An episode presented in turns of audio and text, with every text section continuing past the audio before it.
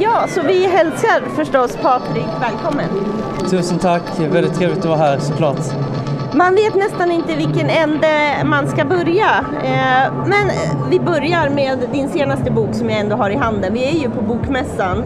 Eh, och du har precis i augusti tror jag släppt eh, Facit, konsten att skriva krönikor. Ja, det stämmer. Den kom ut då och jag är väldigt stolt och glad över den. Jag har kämpat länge. Det är ju så här att när jag började eh, min väg jag ville ju bli journalist men jag ville särskilt skriva krönikor. Då fanns det ju inte någon eh, kurs eller utbildning som specifikt handlade om krönikor. Så jag fick ju skapa min egen och eh, inom akademin kallas det för theory shopping har jag hört. Att, eh, jag läste lite mediekommunikation och journalistik, retorik, eh, litterär gestaltning och eh, satte ihop det så att jag kunde skriva krönikor. För jag det är ganska lätt att skriva en krönika men eh, också väldigt, väldigt svårt. Så jag ville hålla ut länge. Många kommer ju fram och så skriver de tre, fyra krönikor som jättemånga delar och sen så försvinner de för de hade inte mer. Utan jag ville hänga med länge. Ja, man ser att det är väldigt handgripligt. Redan på omslaget får man en massa bra tips. Testa alltid att stryka första meningen. Det är en klassiker. Jag tycker att den första meningen i en text är ju på många sätt den allra viktigaste. Den ska ju vara som en stämgaffel så, som liksom klingar genom hela texten som man har med sig i bakhuvudet. Kanske till och med att den sammanfattar hela andemeningen av texten när det blir som bäst. Eh, och i sin förhoppning att eh, skriva en sån mening så blir det ofta krystat, det blir ofta fel då kan det vara bra att stryka första och likadant med sista. Det vet ju ni som är skrivande människor. Att, Men jag får total panik. Jag sitter och tänker på, jag har en krönika i GP idag och så tänker jag, hur var första meningen? Hur slutar jag? Jag får lite panik. En så här, önskar att jag hade läst den här innan jag skrev den, känner jag. Ja, Fast så det är jag, samma med ja, sista meningen också. Ja, men jag, jag tycker att, att, du skriver bra. Och det häftiga med dig är eh, i relation till den här boken att du har extremt stort logos, alltså argumentation och eh, trovärdighet och källkritik. Och det, det står liksom... Eh, det är väldigt häftigt att se hur väl du argumenterar för, för din sak. Åh, vad roligt att höra. Jag hoppas du tänker samma sak efter att du har läst den, dagens krönika då. Det är klart. Ja. Jag, jag hade en period där jag försökte hitta så böcker om att skriva. Man vill utveckla sitt reportageskrivande och många böcker är ju fantastiska att läsa men sen efteråt ser man så här, jaha, men liksom hur, eh, hur gör jag det? Alltså att de eh, eh haft, haft liksom svårt att, att, att, hitta det men efterhand så har man hittat sin egen någonstans eh, stil eller vet man letar efter när man, när man skriver reportage. Eh, så att, fantastiskt med en, en, eh, en, eh, en handbok. Eh, vad, vad, finns det mer för tips du har? Då? Stryk första meningen. Det är ju en klassiker. Det andra är ju beroende på vem som lyssnar. Nu är det väldigt eh, initierade journalister så vet man ju redan det här med att vinkla mm, och eh, faktiskt hitta en väg eh, när det gäller en krönika. För ofta när jag läser krönikan då, även av proffs, så vill de säga för mycket i en enda text. Och då blir det kanske två krönikor i en. Och då är det svårt att förhålla sig som läsare till den texten. Precis som i andra liknande texter. Jag eh, vet ju att många tycker både det ena och det andra om kanske Alex Schulman som skriver krönikor för Expressen, men han är mästare på att hitta en sak och eh, fördjupa den i 2-3 tusen tecken och bara förhålla sig till den. Och jag tror det är därför det är så många som eh, läser honom och reagerar på hans texter, för att han alltid har en sak. Mm. Och man blir inspirerad, jag får skrivlust. Eh, himla roligt. Eh, men inför det här samtalet så upptäckte ju jag att du har skrivit en bok som jag har missat eh, och som jag bara vill läsa så jag kommer gå till Natur och kultur och köpa. Onanisten. Du måste ju berätta upplägget kring den överhuvudtaget. Jag inser att den kom ut 2014, det är ju ett år då du och jag jobbade väldigt, väldigt mycket eh, med eh, du var ute på din författarturné Martin, eh, under den perioden och så. Men jag har faktiskt helt missat den. Det känns som att det är ett bra sätt att komma till botten med bokmässediskussionen på något sätt också. Tack, det var kul att höra att du tänkte på Onanisterna. Den är faktiskt, jag ska tillägga, den är faktiskt utgiven på Rabén Sjögren. Jaha, förlåt. Det är en bok som egentligen handlar om filterbubblor. Det var innan eh, vi pratade om filterbubblor, Ja. eh, i alla fall eh, allmänheten. Och eh, hur, hur eh, mycket fördomar det finns i alla de här små bubblorna. Eh, särskilt konflikten mellan stad och landsbygd. Där det alltid finns den här bilden av att människor från landsbygden, jag är också från landsbygden, är inavlade rasister och, och kvinnohatare. Där alla tycker och tänker likadant. Men det stämmer ju inte såklart. Utan i varje stad, i varje ort, i varje by så finns ju alla de här dimensionerna. Och även de här människorna som vi lätt kan tro lever med mycket fördomar. Eh, de har ju också många dimensioner inne sig, inom sig. Många tankar och drömmar eh, och förhoppningar. Så det går, det går liksom inte bara demonisera människor eh, på något håll. Precis som det finns människor som demoniserar eh, journalister som bor kanske på Södermalm. Eh, det säger ju ingenting egentligen ens bostadsadress om vad du är för människa. Även om det kan ge indikationer. Och, men eh, det, att det blev en bok, det var ju ditt sätt att angripa ett, ett uppdrag som jag inte kände till var gjort bland eh, journalister om att faktiskt försöka förstå mer det valresultat som hade blivit 2014. Har jag uppfattat saken rätt? Det kan man säga. Jag förutspådde väl lite hur det skulle eh, gå på många sätt. För jag har ju sett de här olika strömningarna och polariseringen i vardagen. För att jag, jag bodde alltså en bit in i mitt vuxna liv i min hemkommun Sölvesborg. Där människor lever i en annan verklighet och eh, bor fortfarande i Malmö som på sitt sätt också är en polariserad stad. Och jag har sett vad som händer eh, när, eh, när man börjar så sätta in kilar mellan folk.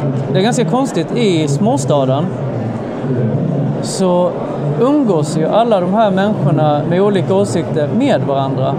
För att det finns bara en eller två krogar att gå till, två till tre restauranger att gå till, en skola för gymnasiet, en för högstadiet och några stycken för eh, lågstadiet och förskola.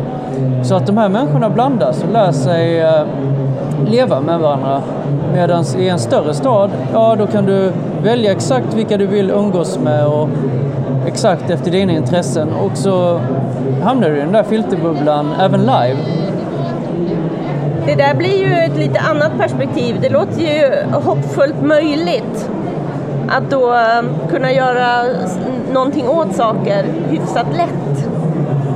Ja, för att när jag tänker på eh, landsbygdens utmaningar, eller mindre städers, då är det ju inte riktigt de sakerna som eh, riksmedia förmedlar. Och det vet jag ju också att eh, Blanksport har varit inne på, eh, vilket jag tycker är jätteviktigt. Att det finns ju de här blinda fläckarna även i Sverige. Ja.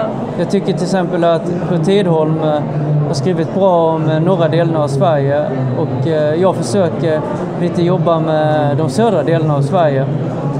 Där det, ja, där det ser lite olika ut. Lokalpolitik handlar ju sällan om eh, de här eh, jättestora frågorna. Det kan, det kan handla om, ja, ska vi bygga den här bron som förvisso är häftig reklam för kommunen men eh, kostar mycket av skattepengarna. Det är sådana frågor och det är kanske inte bara höger och vänster. Jag tycker att många av de här traditionella partierna som till exempel Moderaterna och Socialdemokraterna har mycket att lära av sina egna lo- lokalavdelningar. Moderaterna i Vellinge har nästan haft egen majoritet i hur många år som helst och eh, Socialdemokraterna har ju extremt många röster i vissa bygder och Kristdemokraterna som är jättestora i delar av Småland. Så jag tror att eh, man kan hitta svaren i det lokala. Och det har ju vi fått jättemycket eh, uppmaningar från första början, trots att vi lanserades väldigt mycket som utrikesreportagesajt, att titta på Sverige. Ja, det är surrealistiskt när man har varit på bibliotek och ska berätta om blankspot om Eritrea eller Thailand eller någons militärdiktatur man har varit i och så säger alla, men jättespännande, men kom hit och skriv om eh, det här, ungefär som du säger, något bygge, någon fråga som berör människor lokalt. Och det är här vi vill ha journalistik. Liksom. Lokaltidningen är nedlagd eller man tycker den har blivit för tunn eller och Nej, men i början var man ju så men, men er liksom. Vi har precis startat en utrikessajt. Sluta. Ja. Men efterhand så... Men nu står vi här. Ja, nu står vi här och samlar in idéer om ja. Eh, berättelser från Sverige som man saknar. Som du säger, tänker hitta ett sätt att göra det på under, under nästa år kanske framför allt. Och att någonstans är kanske hela den här uppdelningen inrikes och utrikes som man har liksom redaktionellt, den kanske är obsolet. Alltså det, världen ser inte ut sådär. Att man tänker, att det där är inte min fråga för att det är Sverige, herregud. Vi, den Afghanistan-rapportering som vi har hållit på med mycket, den börjar ju i Sverige på förvar eller, och sen så slutar den i Kabul. Alltså det finns ju inga...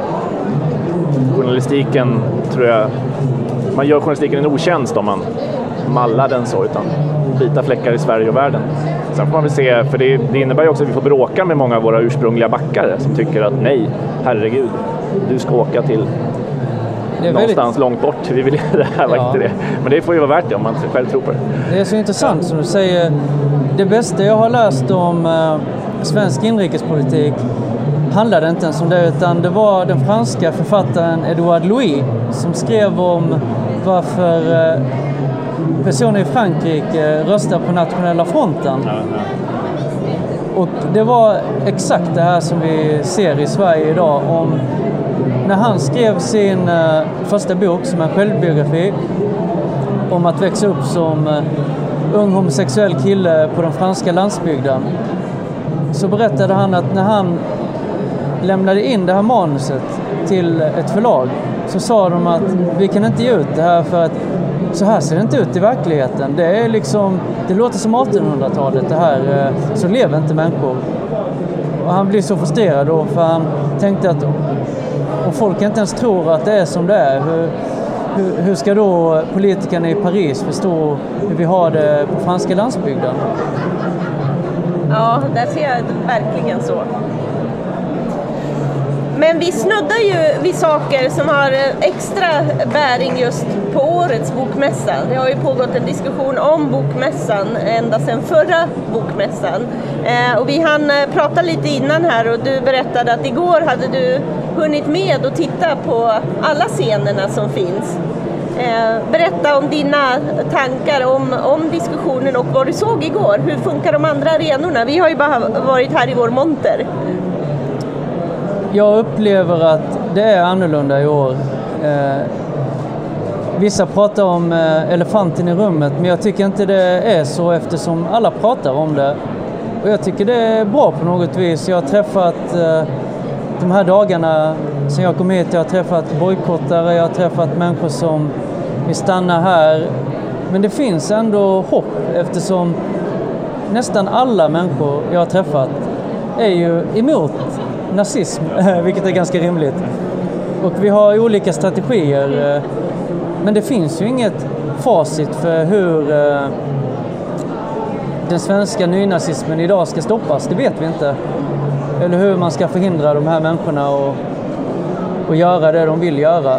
Så jag tänker att alla som vill mobilisera mot de här totalitära idéerna välkomnar jag. Mm.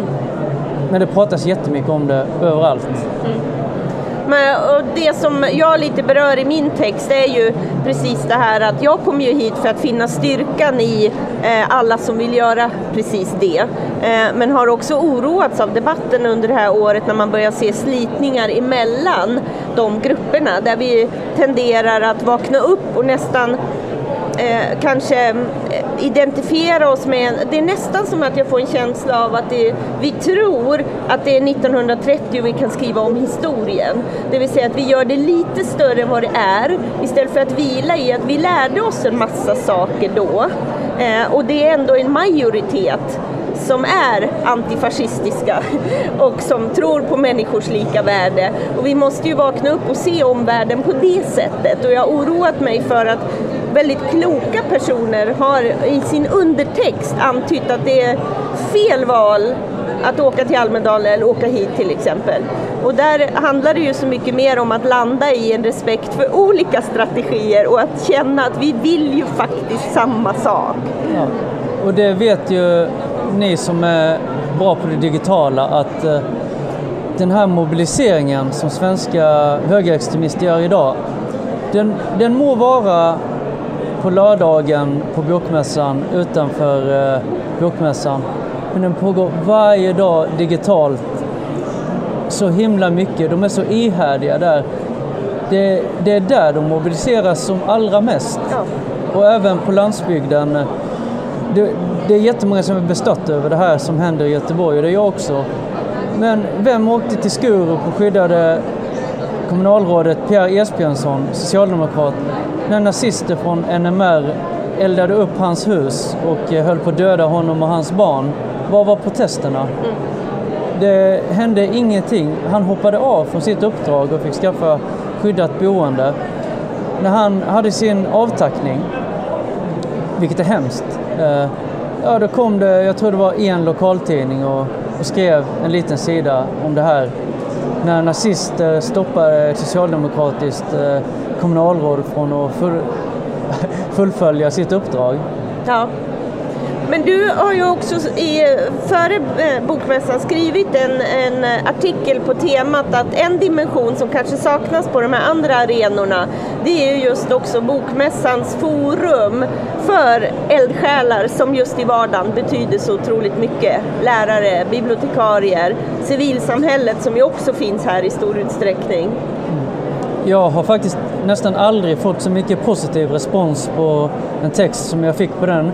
Som ni kan ana så får jag en del eh, arga röster, men den här gången var det 99% positiva. Det var lärare, bibliotekarier och särskilt då skolbibliotekarier. De är 30 000 som åker hit varje år för att fortbilda sig och enligt mig så är det den absolut bästa vaccinet mot eh, totalitära idéer och extremism. Att, eh, att faktiskt de här människorna får utbilda sig, får åka till sina städer i hela Sverige och eh, förhålla sig till de här ungdomarna som är på väg mot olika typer av utanförskap och radikala grupper och kunna hjälpa dem in på rätt väg i livet. Mm. Mm. Nej, det, det, det är det som ni båda pekar framåt, att den här kampen i vardagen någonstans och vilka som tar den och att det är inte de kanske stora orden och stora talen som det här kommer att avgöras utan det är liksom i kaféet på gymnasiet eller i, på arbetsplatsen i fikarummet eller med ens vänner och att det är där, det är där civilkuraget liksom måste fram och det är där som striderna tas framöver. Ja, om du är bibliotekarie i Skurup så du kan inte bojkotta ditt eget bibliotek Eh, bara för att eh, häng eh, kanske personer som är på väg in i Islamiska staten eller NMR. Utan det är en, det är en kamp du för ganska ensam där och därför är det viktigt att eh, ja, kulturen, bokbranschen, utbildningsväsendet står upp för de här människorna också och inte bara över en helg. Mm. mm. Men det här nätstrategierna eh, som, som finns eh, hos hela den högerextrema klustret där, det är ju otroligt problematiskt och inför valrörelsen. Ehm, och, då, och där är ju jag eh, väldigt, väldigt nedslagen som har varit så otrolig nätoptimist och, och just nu känner man sig mer dystopisk. Så min, mitt, Eh, min eh, titel till mitt bidrag till den omvärldsanalys som är gjord eh, som ett inspel i den nationella biblioteksstrategin har rubriken Från sagor till cyberpunk om bibliotekariernas förmåga att inte bara vara den här lotsen till sagornas värld och pekandet in i litteraturen utan också att hantera, inte den, den litterära genren cyberpunk men framförallt den dystopiska samhällsbeskrivningen som finns där som ju till viss del är realiserad nu. Så. Eh, för det ser jag ju en sån sak som biblioteken kan vara en väldigt, väldigt viktig resurs i också.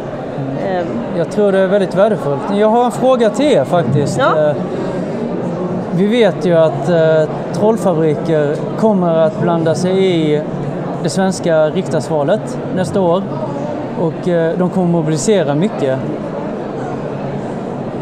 Hur, eh, hur ska man göra om man eh, på något sätt inte vill att de ska vinna? De kommer göra sitt, men ska man själv trolla från andra hållet då eller hur- tycker ni man ska gå tillväga?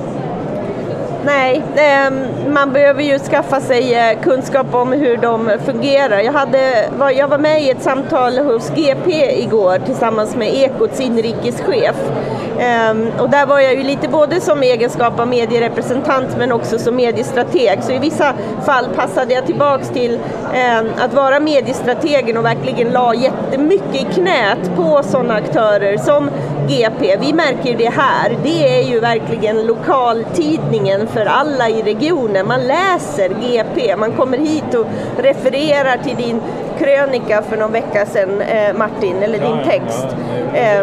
Ja, och, och vi märker det i, i, när vi har jobbat med skolor här också, eller Eko till exempel. Och där, då tycker jag att man ska istället för att vilja vara sugen på att få virala saker på allt som man gör i journalistiken så måste man backa hem till sitt grunduppdrag mycket, mycket mer. Och, och dagen innan vi hade det här samtalet så såg jag ju att, att Ekot hade gjort en rolig liten video som Thomas Ramberg puffar ut om Centerns minglande och hur minglandet går till i politiken. Det här trivialiserandet det är en otroligt eh, problematisk komponent för det bidrar till politikerföraktet och politikerföraktet är ju en strategi av extremrörelserna. Eh, så då, de, det, då spelar man ju på deras arena istället för att vilja förklara i en tid då man upplever i de här kretsarna att ingen lyssnar på oss. Men vi har ett val, det är ett av de finaste bevisen på vad en demokrati är. Det är ditt tillfälle att visa vad du tycker om den politik som har bedrivits. Men också ha en respekt för att det finns olika lösningar. Liksom att se individen också i ett kollektiv. Så man måste förklara politik, man måste förklara demokrati. Och man kan inte låta det redaktionella styras fullständigt av det som händer på nätet utan att ha tagit reda på otroligt mycket. Vad är det som händer här bakom? Jag är jätterädd för redaktionsmöten där man låter sig helt styras av det som har hänt på nätet och det har vi ju sett för många exempel på. Ja, men klassiska exemplen är de här granskningsnämnden anmälningarna när svenska folket rasar och ser 300 personer som har liksom anmält någonting till granskningsnämnden och det är som du säger en digital kompetens kring det.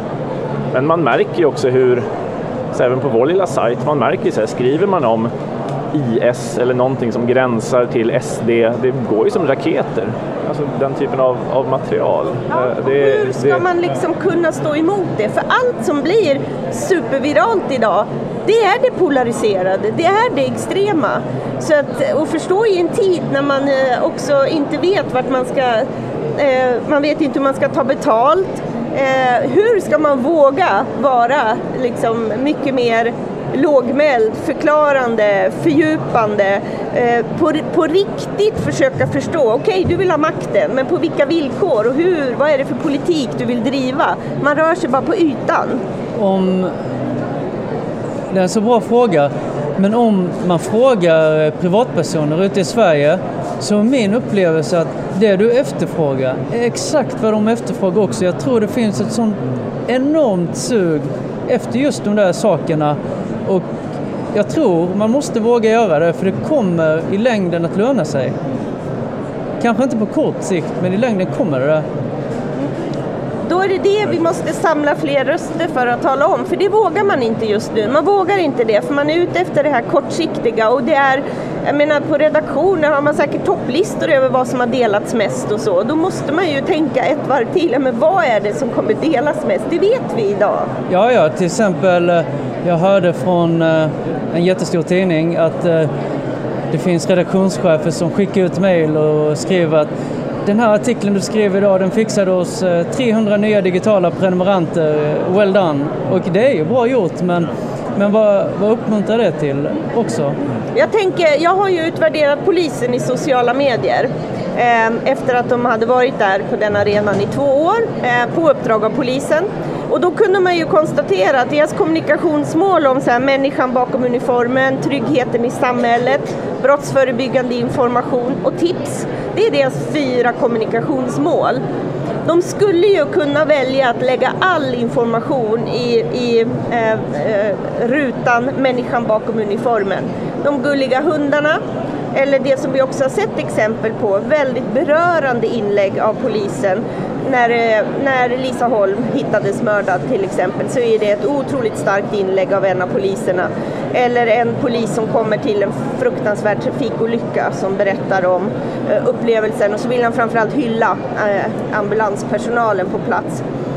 Det får ju otroligt många delningar. Eh, men tänk om polisen bara skulle kommunicera om gulliga hundarna till exempel, eller om de bara kommunicerar den typen av berörande inlägg. Det får ju mig att börja fundera på om jag skulle hamna i en krissituation, kommer polisen hålla ihop? De är ju faktiskt de jag vill ska klara av den här situationen. Eh, och det, det, man måste våga ha raka informationsposter är vad jag skrev i min utvärdering till dem, att se det värdet också. Liksom. Och det, det gör de ju, över tiden har de ju sina 150 Facebook-sidor och 30 Twitter-konton och det är, går, det är väldigt, väldigt relevant. Men det kräver att du håller i hatten. Vad är det vi vill? Varför är vi på de här arenorna? Och just nu känns det ju som att trots att man är glad över journalistikens hyllningar som sker nu i kölvattnet på det amerikanska valet och man inser liksom attacken mot medier som är så allvarlig där. Men det känns som att man inte, man lär sig inte riktigt ändå. Utan det kommer vara det här många, många klicken och virala hitsen man letar efter och de finns inte annat än i det extremt polariserade. Ja, eh, om man ska vara positiv så, så tror jag ändå att eh, de som eh, går mot strömmen, som vågar satsa på berättande, fördjupande journalistik kommer, kommer lyckas och kommer överleva. Det är jag helt säker på. Det är bra ord för oss att ta med också. Liksom. Men jag tänker, har ni träffats någon gång? Martin och Patrik? Nej, det har vi inte. Bara men, på äh, internet? Twitter. Jag minns äh, när jag hade gjort mitt sommarprat och satt och var skitnervös och det skulle sändas. Uh, och så tror jag jag fick ett DM från dig eller någonting så här, att du, du recenserade dig ungefär, jag minns inte vad du skrev men något sånt där, det kommer gå bra. ja, jag, ja, jag hade fått, så, lys jag hade fått lyssna i förväg. Ja, och jag tyckte det var, det var så himla, bra. Det var så himla, man bara, så minns jag att jag kunde liksom njuta av att det släppte min nervositetsångest. Ja, men sen har jag läst i dig med stor beundran, alltså förmågan att komprimera språket som en vätebomb och få det att ja, smälla. Det är fantastiskt. Ja, det är samma nu när vi eh. ändå står... Du, har, du är väldigt bra på show don't tell, eh, alltså eh, gestaltningen. Ja, och få en, att, få en att känna när man läser dina reportage. Tack, och det, det är roligt, det är inte alla som klarar det. Nej. Nästan ingen. Nej. Men det är, roligt, det är roligt att höra och man känner när jag hör dig säga vad du uppskattade att få det här DMet. Ehm, alltså ett perspektiv av den oro man känner, till och med i din situation när ett sådant program ska gå ut. Liksom. Ja, ja, ja.